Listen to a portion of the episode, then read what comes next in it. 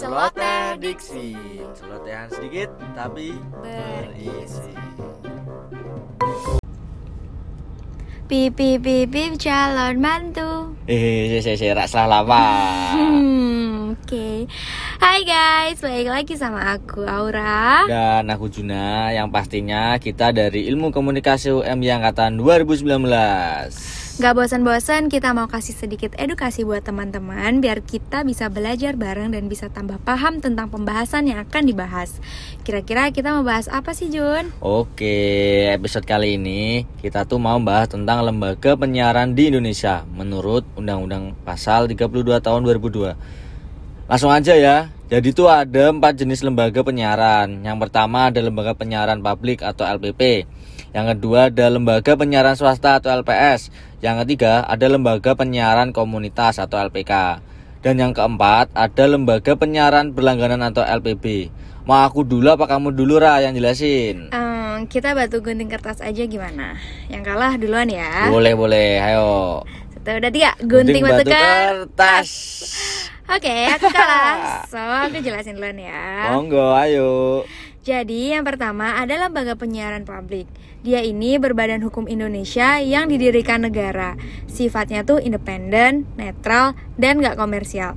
Fungsinya sendiri itu memberikan layanan untuk kepentingan masyarakat. LPP ini bisa didirikan di daerah tingkat 2 kayak kota atau kabupaten.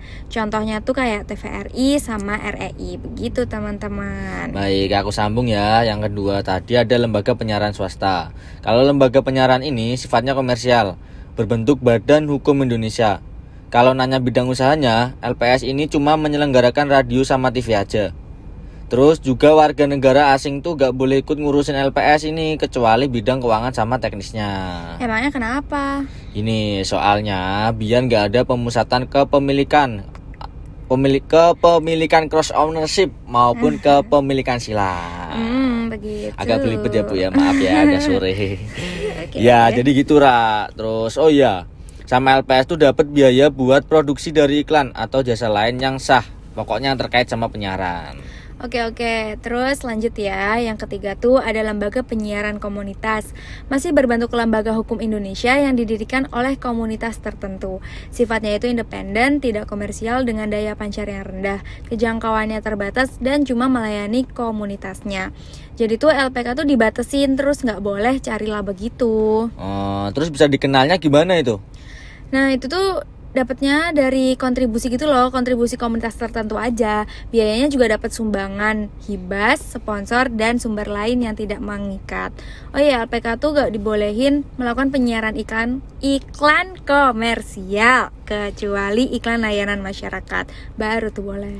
Oh gitu. Nah, terus yang terakhir ada lembaga penyiaran berlangganan. Sama juga berbentuk badan hukum Indonesia yang bidang usahanya cuma menyelenggarakan jasa penyiaran berlangganan saja dan sebelumnya harus ada izinnya. LPB LPB ini bisa dibagi lagi menjadi tiga bagian secara teknologi yang digunakannya. Pertama LPB lewat satelit kayak televisi dan Kompas Vision. Yang ke- Television, Oh, ma- jadi pertama LPB lewat satelit kayak television dan Kompas Vision. Nah, Yang kedua LPB melalui kabel kayak UCTV dan jaringan Telkom. Dan yang terakhir yang ketiga LPB terestrial. wah jadi ngerti ya teman-teman apa aja sih jenis lembaga penyiaran Ya, itu. gitu.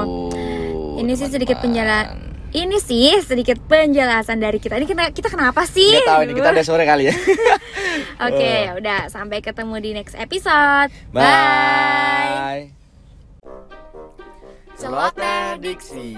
Celotehan sedikit tapi Berisi